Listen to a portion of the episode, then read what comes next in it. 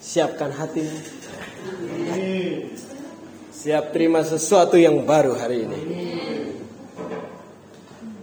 Salah satu topik yang jarang kita bicarakan tetapi ini penting. Saya beri judul hari ini adalah memberi dengan sukacita. Ya. Bicara tentang memberi hal yang menarik, bahkan baru-baru ada beberapa gereja juga, beberapa gereja satu gereja yang sedikit menyedot uh, publik sosial media untuk lihat bahwa karena mereka bicara tentang memberi dan sebenarnya hal ini sudah beberapa waktu saya coba untuk gali lagi karena kita rindu menyamakan kebenaran yang kita miliki dan kita tahu tentang memberi. Gitu. Supaya kita jelas dan setiap orang dapat memberi dengan sukacita. Bukan memberi dalam kebingungan, bukan juga memberi dalam ketakutan, tapi memberi dengan sukacita. Saya langsung buka dengan ayat yang terkenal sekali soal memberi di Maliaki 3 ayat 10. Yang tahu ayat ini tentang apa? Memang pintar-pintar semua ini. Maleaki adalah sebelum Matius pas. Nah itu benar-benar sebelum Matius ya. Kadang bercanda ya. Maleaki 3 ayat 10 yang sudah dapat boleh katakan memberi. Memberi. Wow. Bawalah seluruh persembahan perpuluhan itu ke dalam rumah perbendaraan Amin. Supaya ada persediaan makanan di rumahku dan ujilah aku. Firman Tuhan semesta alam. Apakah aku tidak membuka bagimu tingkap-tingkap langit dan mencurahkan berkat kepadamu sampai berkelimpahan, kelimpahan. Nah, tentang memberi ada beberapa bentuk atau sebutan untuk memberi di dalam komunitas Tuhan atau tubuh Tuhan. Dan aspek dari memberi juga banyak. Saya langsung membuka dengan ayat ini karena ini prinsip yang komunitas kita lakukan sampai sekarang. Perpuluhan. Ya, siapa yang familiar dengan perkataan itu? Kata itu. kita tidak melakukan persembahan keliling seperti yang di banyak dilakukan gereja lain. Kita tidak menaruh kotak di belakang juga untuk Seseorang boleh naruh amplop dan duit di dalamnya. Yes. Dan ini komunitas ini yang komunitas ini lakukan sampai hari ini. Perpuluhan. Perpuluhan adalah prinsip. Katakan prinsip. Prinsip. Sampai hari ini banyak kekristenan masih memperdebatkan topik ini. Perpuluhan menjadi salah satu topik hangat, terpercaya dan panas. Gitu ya untuk dibicarakan di sosial media Kristen. Trading, trade, trading, trading Mereka memperhatikan antara aturannya, antara doktrinnya, atau bahkan dogma dan lainnya. Tetapi kita melihatnya sebagai prinsip yang Tuhan sediakan bagi kita. Sesederhana ketika engkau mau memahami apa itu prinsip adalah gini. Prinsip kita makhluk hidup kita perlu makan. Itu. Mobil atau motor harus ada bensinnya. Itu udah prinsipnya. Itu. Nah, orang Kristen tanpa memberi juga ora tadi. itu prinsip itu. Jadi itulah bicara tentang prinsip. Prinsip artinya adalah kebenaran yang menjadi pokok dasar orang berpikir dan berperilaku atau bertindak. Itu, itu dari kamus bahasa Indonesia KBBI. Kita melihat bahwa praktek ini ada di Alkitab, Bapak Ibu Saudara. Sehingga kita melihatnya sebagai hal yang dicontohkan bagi kita sebagai dasar berpikir yang akhirnya kita akan lakukan sebagai tindakan kita. Dan konteksnya hari ini adalah memberi. Katakan memberi. Memberi. Ya, lihat kanan kirinya memberi. Ya.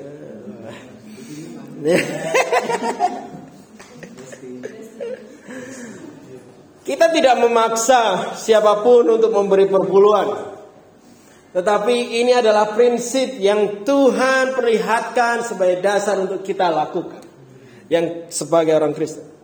Maksudnya adalah setiap kita harus memiliki kehidupan memberi.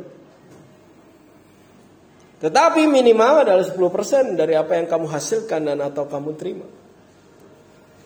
Jika angka 10% adalah angka minimal untuk kamu memberi, ada beberapa orang di sini yang memberi lebih dari 10% untuk yang dari yang mereka terima tiap bulan.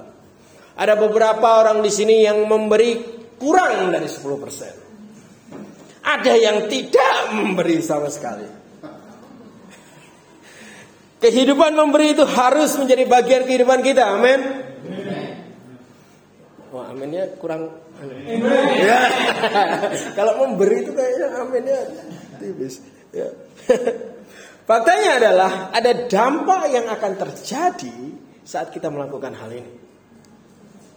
Dikatakan di situ di ayat yang sama bahwa bawalah persembahan perpuluhanmu ke rumah perbendaraan. Yang pertama yang dampak akan terjadi adalah persembahan perpuluhan harus dibawa dan diberikan ke mana? Ke rumah perbendaraan, tempat ngumpul Bagian dari komplek bait Tuhan waktu itu mereka memiliki tempat untuk nyimpan semua persembahan yang diberikan oleh umat Tuhan. Makanya disebut rumah perbendaraan atau tempat untuk nyimpan gudang atau lumbung. Semua pemberian bangsa Israel dari sumber makanan mereka, dari sumber pertanian mereka mereka kasih. Diatur lebih detail soal pendistribusian stok makanan itu di kitab ulangan, di imamat, teman-teman bisa pelajar dan kaji sendiri untuk hal itu. Tapi intinya adalah ini. Persembahan perpuluhan itu ketika diberikan akan berdampak kepada ketersediaan makanan bagi umat Tuhan. Ada ada nggak di sini yang pernah bertanya-tanya? Oh, makasih Stanley. Uh, pernah bertanya-tanya dari mana semua duit yang kita miliki ini? Kita makan bersama setiap minggu, ya kan? Melakukan perjalanan ke pantai, lainnya, melakukan pertemuan di villa bahkan selama tiga hari, membantu keluarga-keluarga atau individu yang kesulitan atau sakit, memberi ke kampung. Kapan hari kita beri ke kampung ini? Makanya aku diundang waktu itu. ya, makan olive. Siapa suka olive? ya, makan capcay dan ayam crispy. Bakso, mie ayam dan banyak hal lainnya tanpa kita menarik pembayaran dari teman-teman. Kita nggak kirimkan bilnya melalui WhatsApp habis itu. Siapa yang membayar semua ini? Dari rumah perbendaraan kita. Jadi dampak pertama saat kita memberi perpuluhan adalah kepada tubuh Kristus. Kepada komunitas Tuhan. Supaya rumah ini tetap terus ada makanan untuk semua orang. Supaya kehidupan terus berjalan. Dapat membayar apa yang perlu dibayar. Jadi setiap pemberian perpuluhan itu menjadi kontribusi kita bagi tubuh Tuhan. Setiap pemberian kita adalah menjadi kontribusi kita bagi kehidupan komunitas. Setiap melihat ayam olive, waktu saya makan gitu, saya melihat itu adalah kontribusi dari orang lain bagi komunitas ini dan bagi hidup saya juga. Jangan melihat perpuluhan sebagai tagihan. Perpuluhan adalah kontribusi. Katakan kontribusi. Kontribusi. Kontribusimu terhadap tubuh Kristus supaya komunitas ini tetap berjalan, tetap bisa melakukan apa yang perlu dilakukan sebagai pusat sumber makanan bagi semua orang, sumber kebutuhan bagi semua orang. Dampak yang lain di sini juga ada di ayat yang sama dikatakan ujilah aku firman Tuhan semesta alam. Apakah aku tidak membukakan bagimu tingkap-tingkap langit dan mencurahkan berkat kepadamu sampai berkelimpahan? Yang ini suka.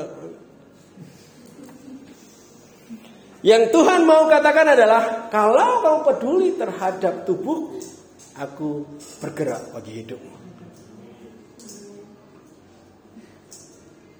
Dan kalau Tuhan bergerak bagi hidupmu Bapak Ibu Saudara, kebenaran dan damai sejahtera ada juga bersamaan dengan berkat yang dia akan berikan.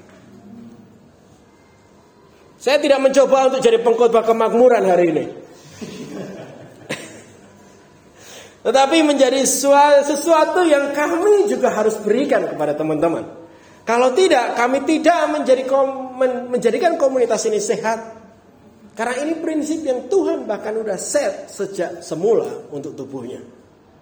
Supaya komunitas yang tubuh Kristus dapat berjalan. Tuhan mengatur semua ini supaya komunitasnya dapat berjalan dan hidup. Tuhan mengatur ini semua supaya hidupmu dapat berjalan dan hidup juga. Jadi perpuluhan. Bukan sampai situ ya khotbahnya. Amsal 3 ayat 9. Amsal 3 ayat 9.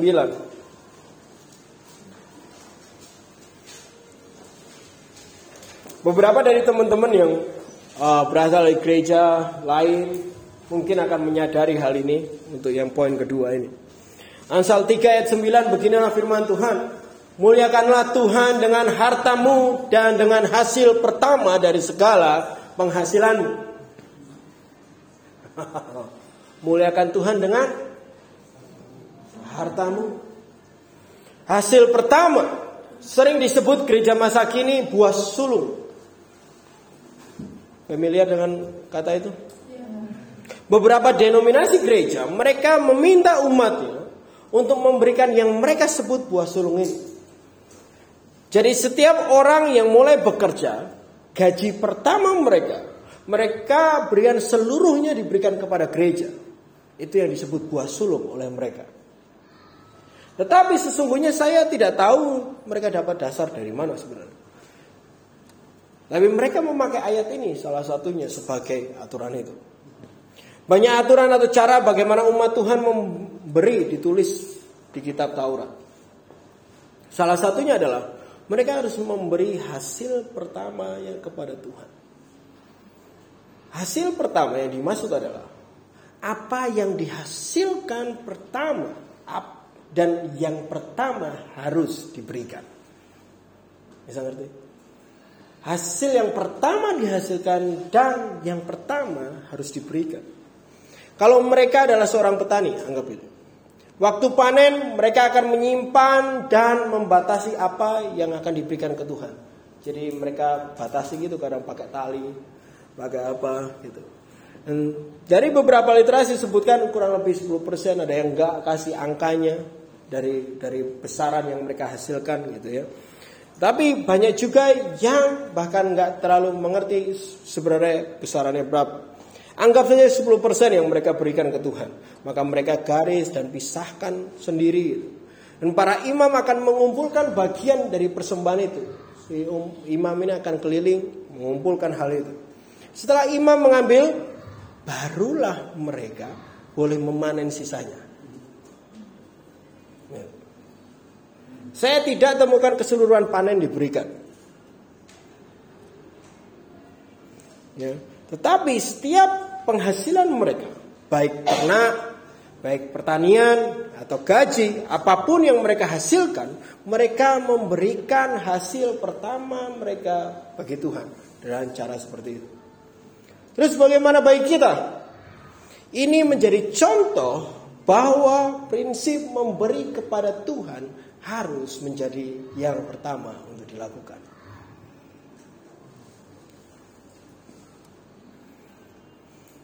Dari apa yang kita miliki harus menjadi yang pertama yang kita lakukan sebelum melakukan apa pun yang lainnya. Tetapi seringnya duit udah habis duluan. Tinggal jatah perpuluhan, perpuluhan yang disimpan baru dibelikan.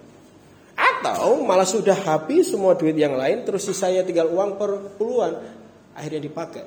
Nggak jadi kasih perpuluhan. Perpuluhan adalah prinsip yang Tuhan berikan kepada kita untuk kehidupan komunitas Tuhan dan setiap individu di dalamnya supaya tetap hidup.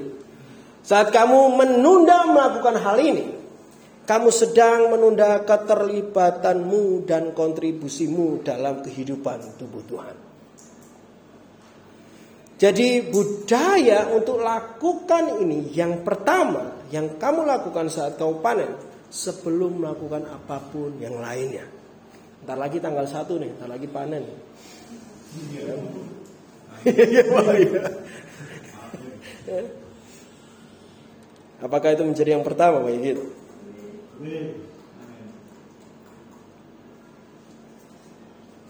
Bisa mengerti? Ayat 10 lebih luar biasa di sini. Ayat 10 dikatakan bahwa maka lumbung-lumbungmu akan diisi penuh sampai melimpah-limpah. Dan bejana pemerahmu akan meluap dengan air buah anggur. Artinya ketika engkau mendahulukan Tuhan, mempedulikan Tuhan yang pertama ini yang akan terjadi bagi hidupmu. Sekali lagi saya bukan mau menjadi pengkhotbah kemakmuran hari ini, tapi itu firman Tuhan yang katakan. Engkau menaruh hal itu menjadi yang utama sebelum bahkan engkau menikmati yang lain. Engkau memberi dulu bagi Tuhan, Tuhan akan melakukan hal yang pertama juga bagi hidup itu. Berikutnya di kisah Rasul 4 ayat 32.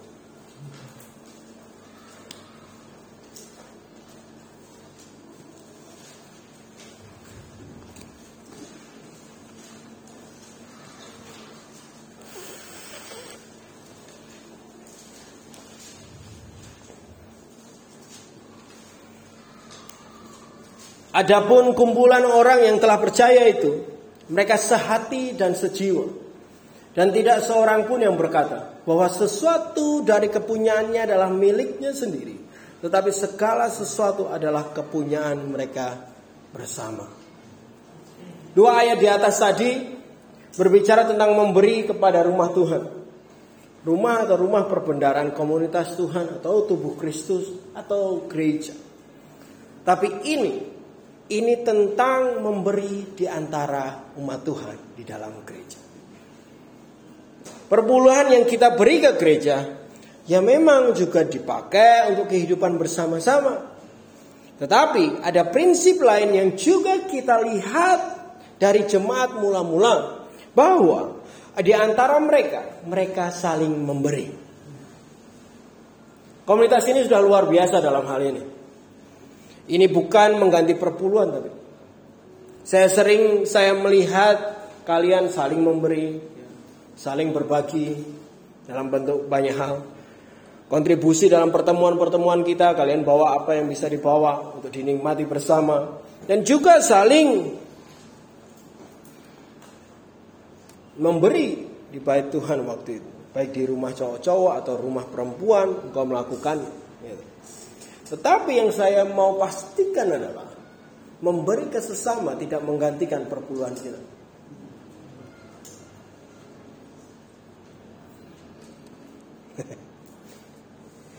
Saya ngerti? Ada yang menyatakan, oh saya tidak memberi perpuluhan ke gereja, tapi saya mentraktir teman-teman terus. Saling memberi di antara kita tidak menggantikan posisi perpuluhan di dalam sistem Tuhan untuk tubuhnya. Tidak saya temukan di Alkitab perpuluhan diba, tidak dibawa ke rumah Tuhan. Bahkan di kitab ulangan ada tahun tertentu yang mereka akan makan dan berpesta dengan perpuluhan mereka. Tetapi mereka tetap harus membawanya ke bait Tuhan dan Yerusalem. Mereka nikmati bersama-sama keluarga di situ. Ya. Prinsip perpuluhan juga selalu ke atas. Katakan ke atas. Ke atas. Dari semenjak Abraham memberikan kepada Melkisedek, Melkisedek adalah raja. Sampai pada gereja, pada perjanjian baru, ini yang dilakukan mereka memberi kepada para rasul. Pak Brand perpuluhan ke atas, bukan asosiasi. Saya perpuluhan ke atas juga, ke Sagi. Dan itu tidak menggantikan pemberian kami ke sesama juga. Yang ke atas tidak bisa digantikan yang ke sesama, yang ke sesama tidak bisa digantikan oleh yang ke atas. Artinya untuk kita saling memberi juga harus terus melakukan walaupun kamu sudah perpuluhan.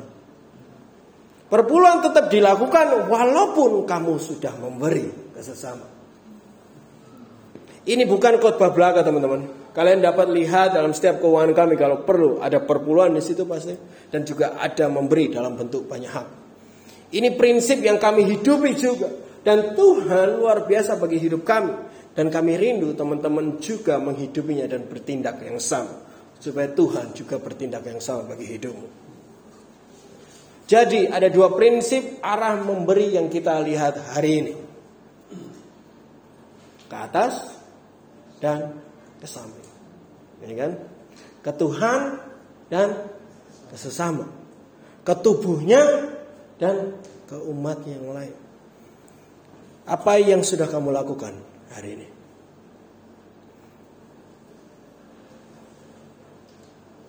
Apa yang tidak benar saat memberi? dan apa yang membuat kita gagal memberi. Apa yang membuat kita tidak bisa memberi dengan sukacita itulah masalahnya kan. Di atas ini saya hanya menyinggung beberapa bentuk pemberian dan memberi di tubuh Kristus. Tapi ini yang penting buat kita. Untuk mengerti bahwa yang membuat kita gagal memberi atau kita memberi tetapi tidak di dalam sukacita. Ini yang penting. 2 Korintus 9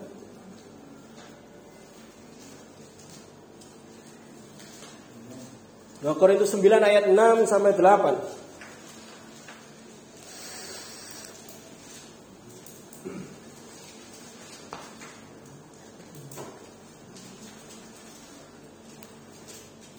Sampai di sini semua memahami teman-teman? Ada yang percaya? 2 Korintus 9 ayat 6 sampai 8. Camkanlah ini. perhatikan teman-teman. Orang yang menabur sedikit akan menuai sedikit juga. Dan orang yang menabur banyak akan menuai banyak juga.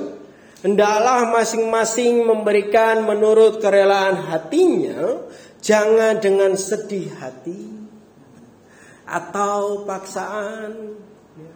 Sebab Tuhan mengasihi orang yang memberi dengan sukacita dan Tuhan sanggup melimpahkan segala kasih karunia kepada kamu supaya kamu senantiasa berkecukupan di dalam segala sesuatu dan malah berlebihan di dalam berbagai hal.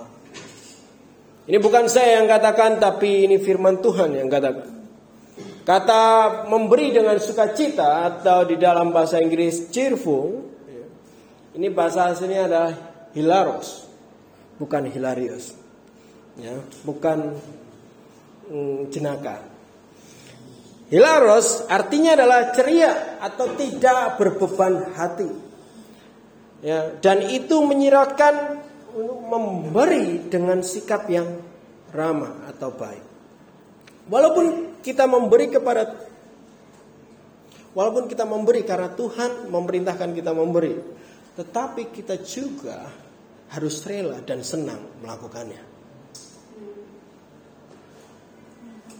Dan dikatakan di sini Tuhan mengasihi mereka yang memberi dengan sukacita.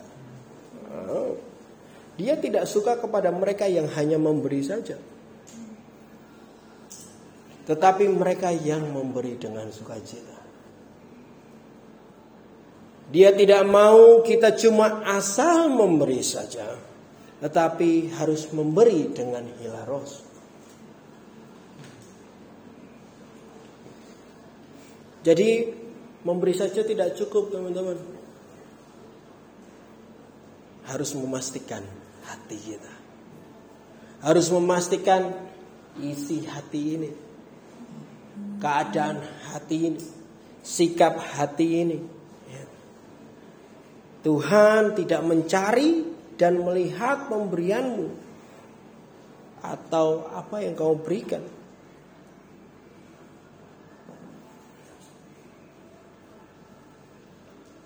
Sampai mana tadi?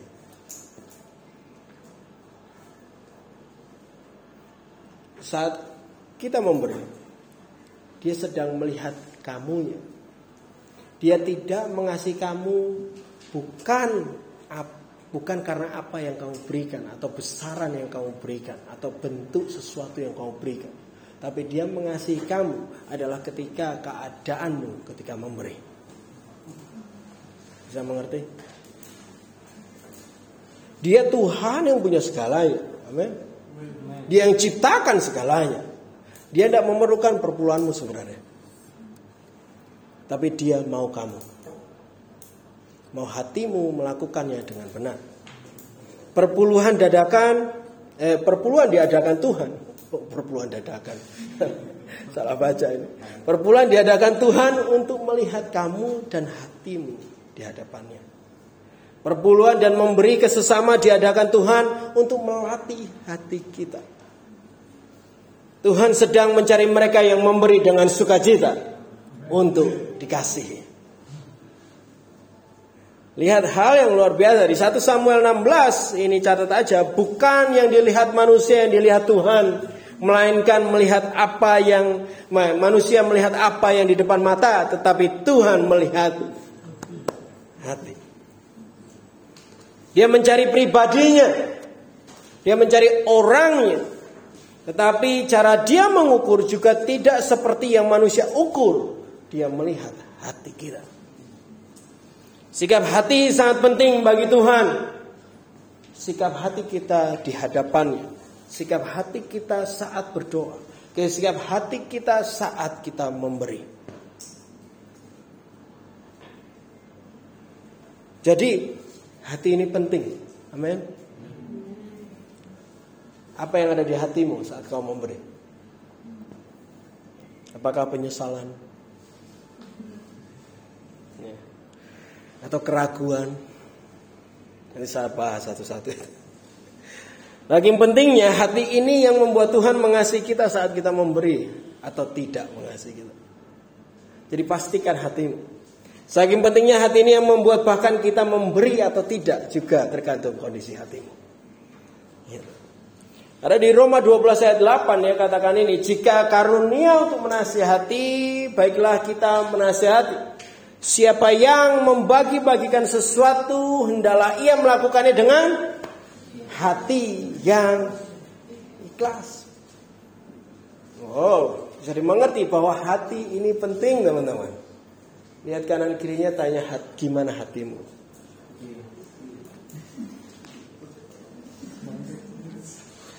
Saya lagi apa yang penting? Hati. Hati sangat penting untuk kita lihat waktu memberi. Sehingga hati kita, apa yang ada di dalam hati kita itu penting sekali. Ya. Saya melihat ada beberapa masalah di hati kita saat kita memberi. Atau juga sikap hati yang membuat kita tidak memberi. Ada orang tetap memberi, tapi hatinya tidak benar. Atau orang bahkan karena hatinya nggak benar dia terus tidak memberi. Tahu nggak sih walaupun orang yang tidak memberi perpuluhan selalu mencoba berdebat soal ayat dengan ayat Alkitab dan semuanya, tapi sebenarnya masalah cuma ada di hati mereka. Mudah aja tinggal jujur karena mereka nggak mau memberi gitu aja, wis. Ya kan? karena sebenarnya ini masalah hati, katakan hati. Hati. Masalah yang pertama di hati kita. Kita selalu bicara tentang hal-hal yang luar biasa di Amsal 11 ayat 24.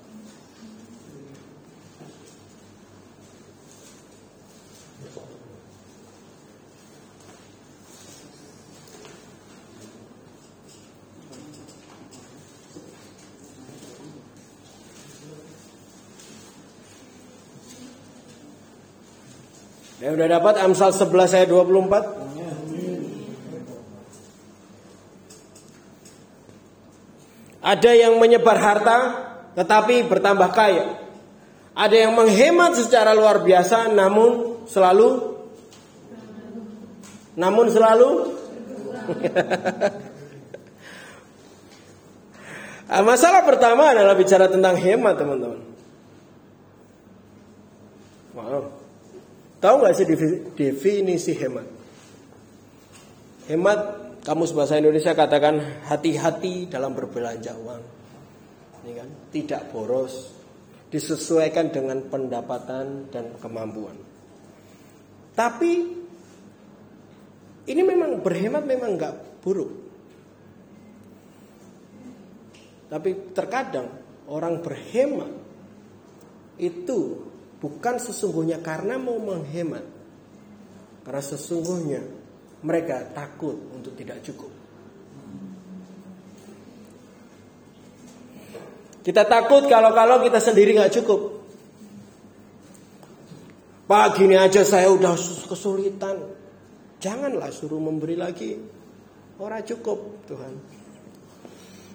Kamu selalu merasa tidak mampu memberi kalau kamu naruh memberi di list terakhir dari semua pengeluaran. Dari akhir semua keuanganmu kamu taruhnya di bawah atau sebagai pilihan akhir kalau ada. Pertanyaannya, siapa yang percaya kita harus menerapkan Tuhan yang pertama dan utama? Amen. Termasuk di list belanjaanmu juga dong. Termasuk di aturan pengeluaran dan pembelanjaanmu. Taruh Tuhan yang pertama. Bukan memastikan hidupmu dulu baru Tuhan. Tapi Tuhan dulu baru hidupmu. Ada amin?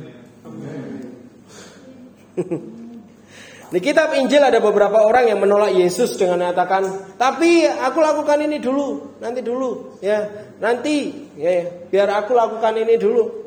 Kita masih sering bertindak dalam keuangan kita seperti itu. Ada yang baru sadar, kamu hidup kayak orang menolak Tuhan di keuangan kita. Amin. Hemat itu baik sekali lagi. Tapi kalau kamu hematnya karena kamu takut dirimu tidak cukup, itu akan membuat kamu tidak memberi dengan sukacita. Atau bahkan tidak memberi. Dasar dari sikap ini adalah sikap hati yang mencintai diri sendiri sebenarnya. Amin. Ya. Kira-kira semua pintar matematika kan di sini? 90 dan 10 besar mana? 90 betul? Kondisi hati kita seperti ini. Kalau kita cinta diri kita sendiri, membuat kamu melihat 10% dapat membuat hidupmu nggak cukup. Padahal kamu masih punya 90%. 10% membuat kamu seakan-akan tidak akan makan satu bulan. Padahal kamu masih punya 90%. Kamu terlalu khawatir terhadap dirimu sampai tidak melihat sesuatu yang nyata dan benar saking khawatirnya. Dunia sebut love yourself. Tapi aku sebut worry about yourself. Atau khawatir terhadap dirimu sendiri.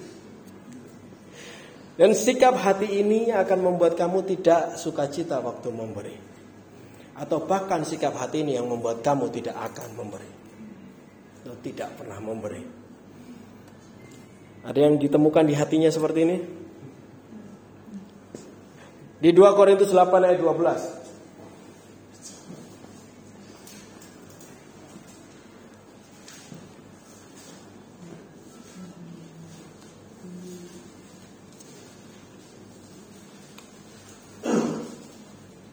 Anda dapat katakan amin.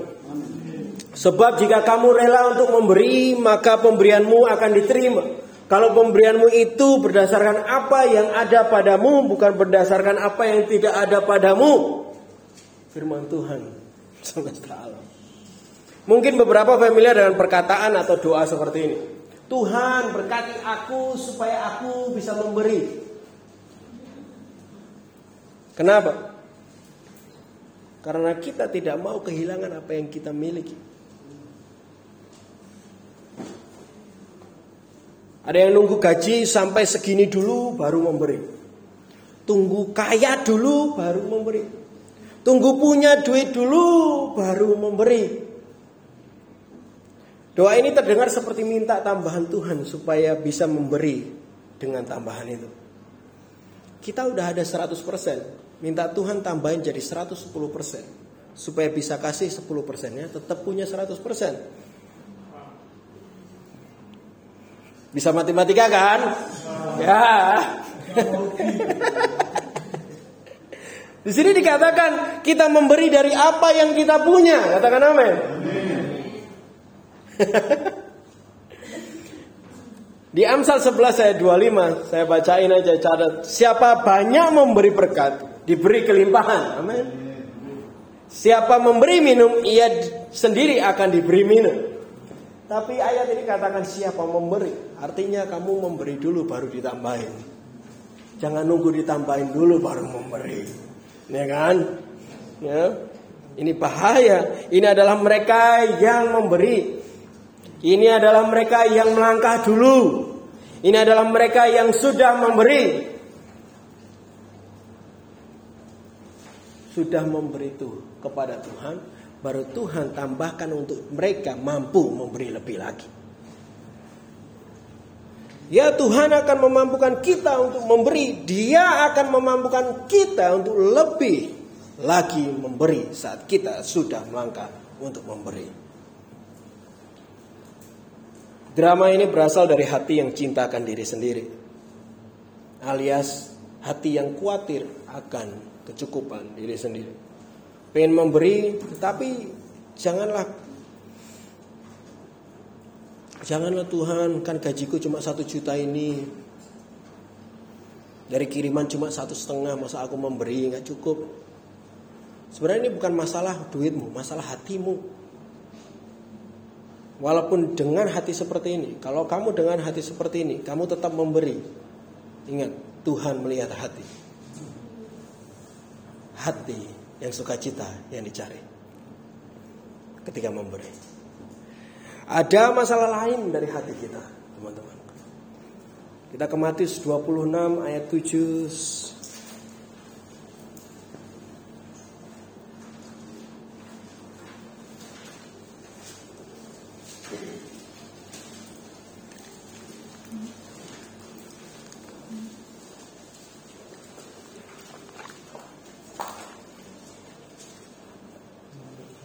Matius 26 ayat 7 sampai 10. Cerita yang luar biasa juga. Datanglah seorang perempuan kepadanya membawa sebuah buli-buli pualam berisi minyak wangi yang mahal.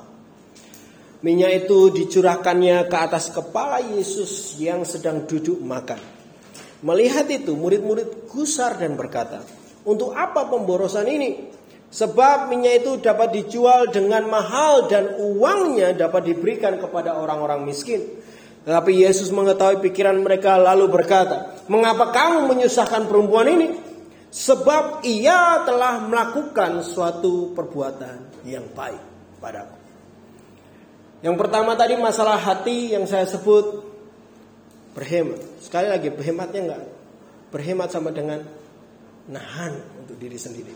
Itu yang masalah. Yang kedua ini adalah bicara tentang bagaimana kita menghakimi atau ngejudge tentang memberi.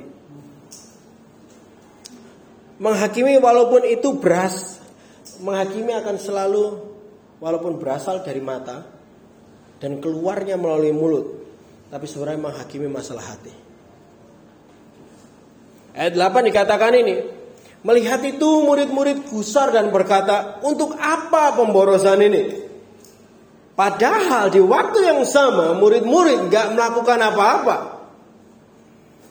Orang yang menghakimi biasanya cenderung dia tidak melakukan apa-apa terhadap hal itu. Makanya banyak orang bermasalah dengan perpuluhan tapi mereka pun tidak memberi apa-apa. Walaupun per, pernyataan murid-murid ini terdengar baik dan relevan.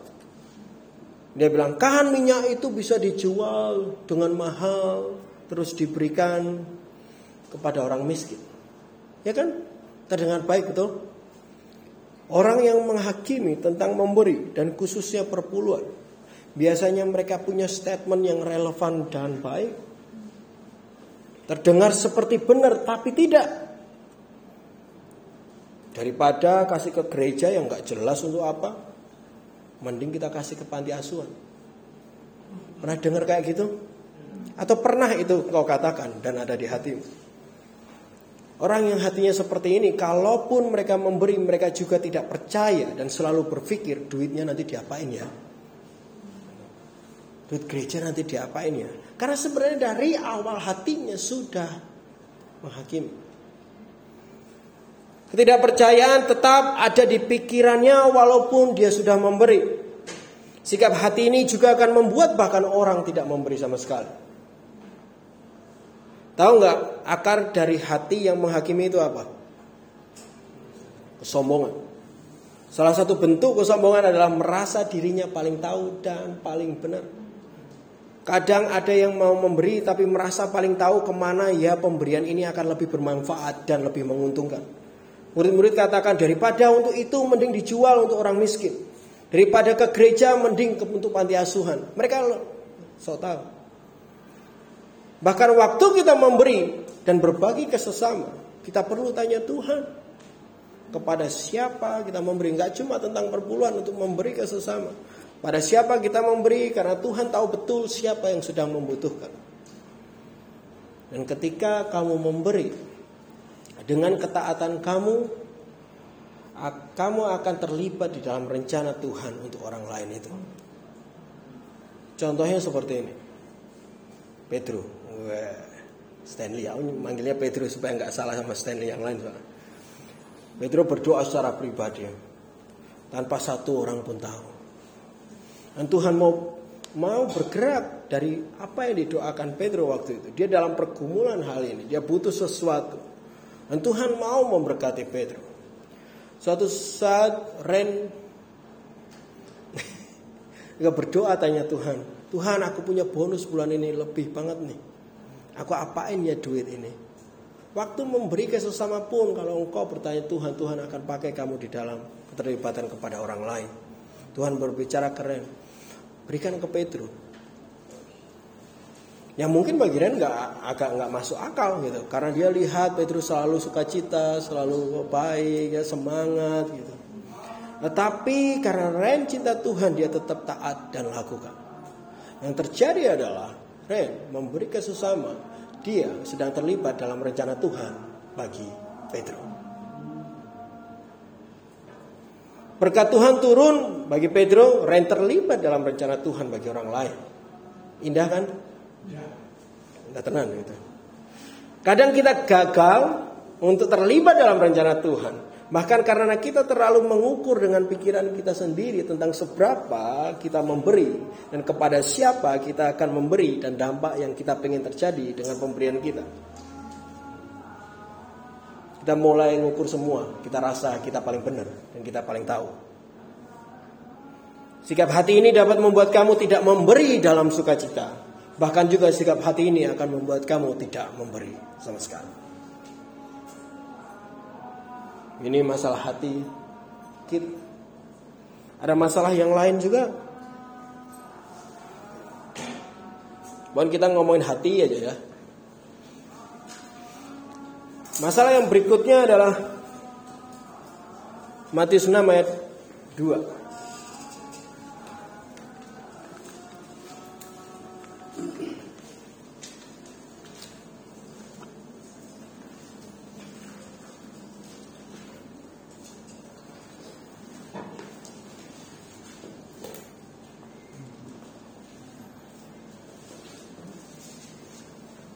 Jadi apabila engkau memberi sedekah, janganlah engkau mencanangkan hal itu seperti yang dilakukan orang munafik di rumah-rumah ibadah dan di lorong-lorong, supaya mereka dipuji orang. Aku berkata kepadamu, sesungguhnya mereka sudah mendapat upahnya. Ada yang pertama bicara tentang menahan untuk diri sendiri. Kedua, bicara tentang menghakimi. Yang ini saya sebutnya mencari pujian bagi orang lain. Sikap hati ini juga membuat kita tidak menjadi pemberi yang berkenan di hadapan Tuhan. Memberi untuk dilihat sebagai pemberi yang baik. Untuk melihat sikap hati ini caranya adalah bertanya ke diri kita masing-masing. Kenapa kita lakukan hal ini? Kenapa aku memberi? Sangat baik untuk memberi teman-teman. Tapi tidak semua tindakan memberi Tuhan suka. Ini masalahnya. Kemurian hati saat memberi sangat diperlukan. Ayat ini sudah sangat jelas dan sederhana. Memberi tidak untuk dipuji orang. Memberi dengan prinsip yang Tuhan mau kita lakukan. Tapi tidak perlu dipamerkan. Memberi adalah bagian dari ketaatan dan kontribusi kita kepada Tuhan dan tidak perlu di berpura-pura. lakukan saja. Ada manusia yang mengapresiasi atau tidak, tidak jadi masalah. Karena memberi adalah bagian dari kehidupan kita, kehidupan yang baru sebagai orang percaya. Kita tidak memberi karena orang, kita tidak memberi karena mau dilihat, tapi kita memberi karena kita taat. Memberi karena dipuji, biasanya waktu terus tidak ada satu orang pun mengapresiasi atau memuji, karena kamu mengharapkan itu, kamu akan kecewa, atau malah berhenti memberi. Atau parahnya malah membenci orang yang sudah diberi karena dia kok nggak anggap aku sih. Nah kita katakan kamu udah dapat upahnya kalau kamu diberi. Yang saya sebut memberi untuk ini ini yang sering saya sebut memberi tapi untuk diri sendiri. Memberi untuk keuntungan diri sendiri. Duitnya atau barangnya sih ke orang lain. Tapi kebesaran nama sendiri yang dicari. Hati ini yang membuat kita tidak mencari pemberi yang Tuhan rindukan, teman-teman. Berilah dalam kemurnian di hadapan Tuhan. Hal lain yang terjadi di dalam hati kita, ya, juga sering terjadi tanpa sadar mungkin atau sudah di dalam, tapi ini yang perlu kita bereskan juga hari ini. Kisah Rasul 20 ayat 35.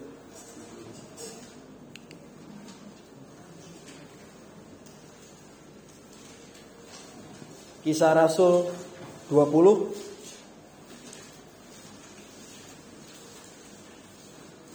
ayat 35.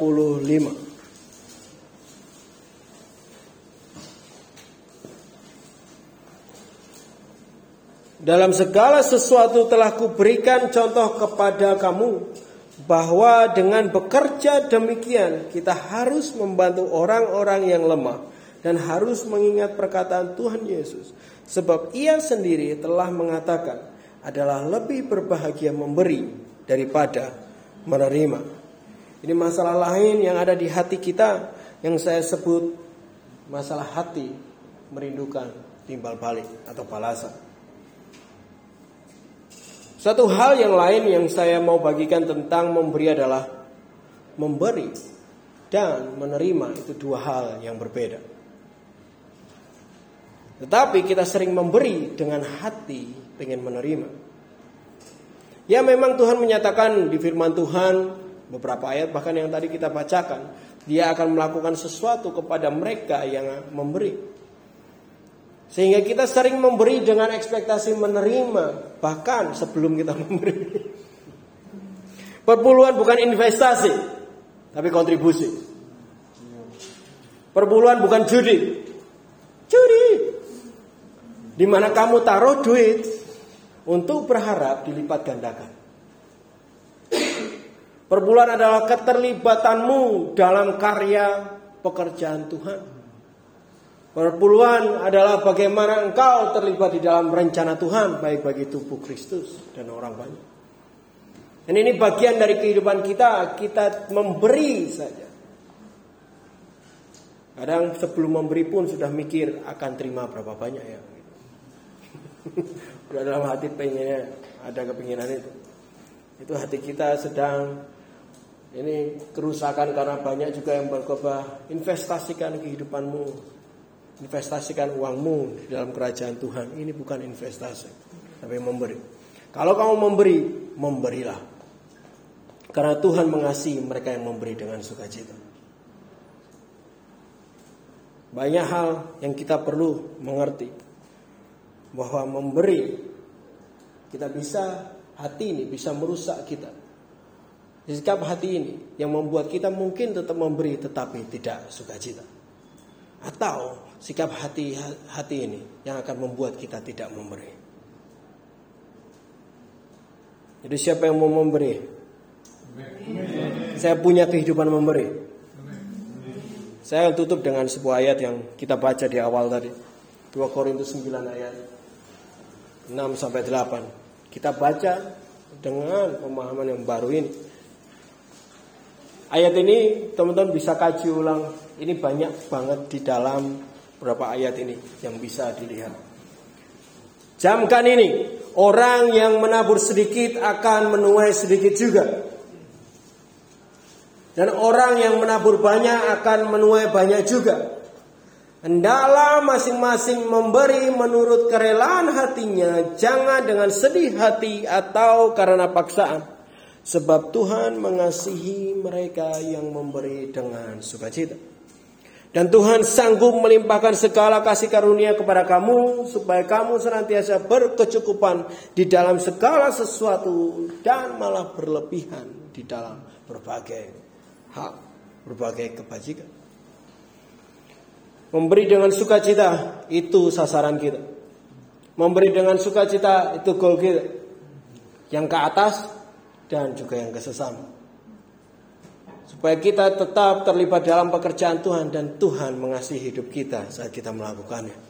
Pastikan setiap kita memberi hati kita benar di hadapan Tuhan karena Dia melihat hati kita. Kita akan memberi dengan baik. Pastikan keempat hal ini tidak ada di dalam hati kita waktu kita memberi. Atau pastikan hati ini tidak menghalangi langkah kita untuk memberi. Jadikan kehidupan yang memberi karena ini adalah prinsip kehidupan orang Kristen. Prinsip kehidupan kita di dalam kebaruan hidup kita di dalam Kristus. Dikatakan di sini kalau ketika kita memberi dengan sukacita, dia melimpahkan. Artinya kita harus memberi dengan sukacita dulu, dia akan nambahin kemampuan kita untuk memberi dengan sukacita lebih lagi. Inilah apa yang Tuhan mau belajar bagi kita hari ini. Jadi kalau Bapak Ibu Saudara siap untuk memberi, berilah dengan sukacita lakukanlah dengan baik ke atas dan ke sesama. Tuhan baik untuk kehidupan kita hari ini. Siapa yang diberkati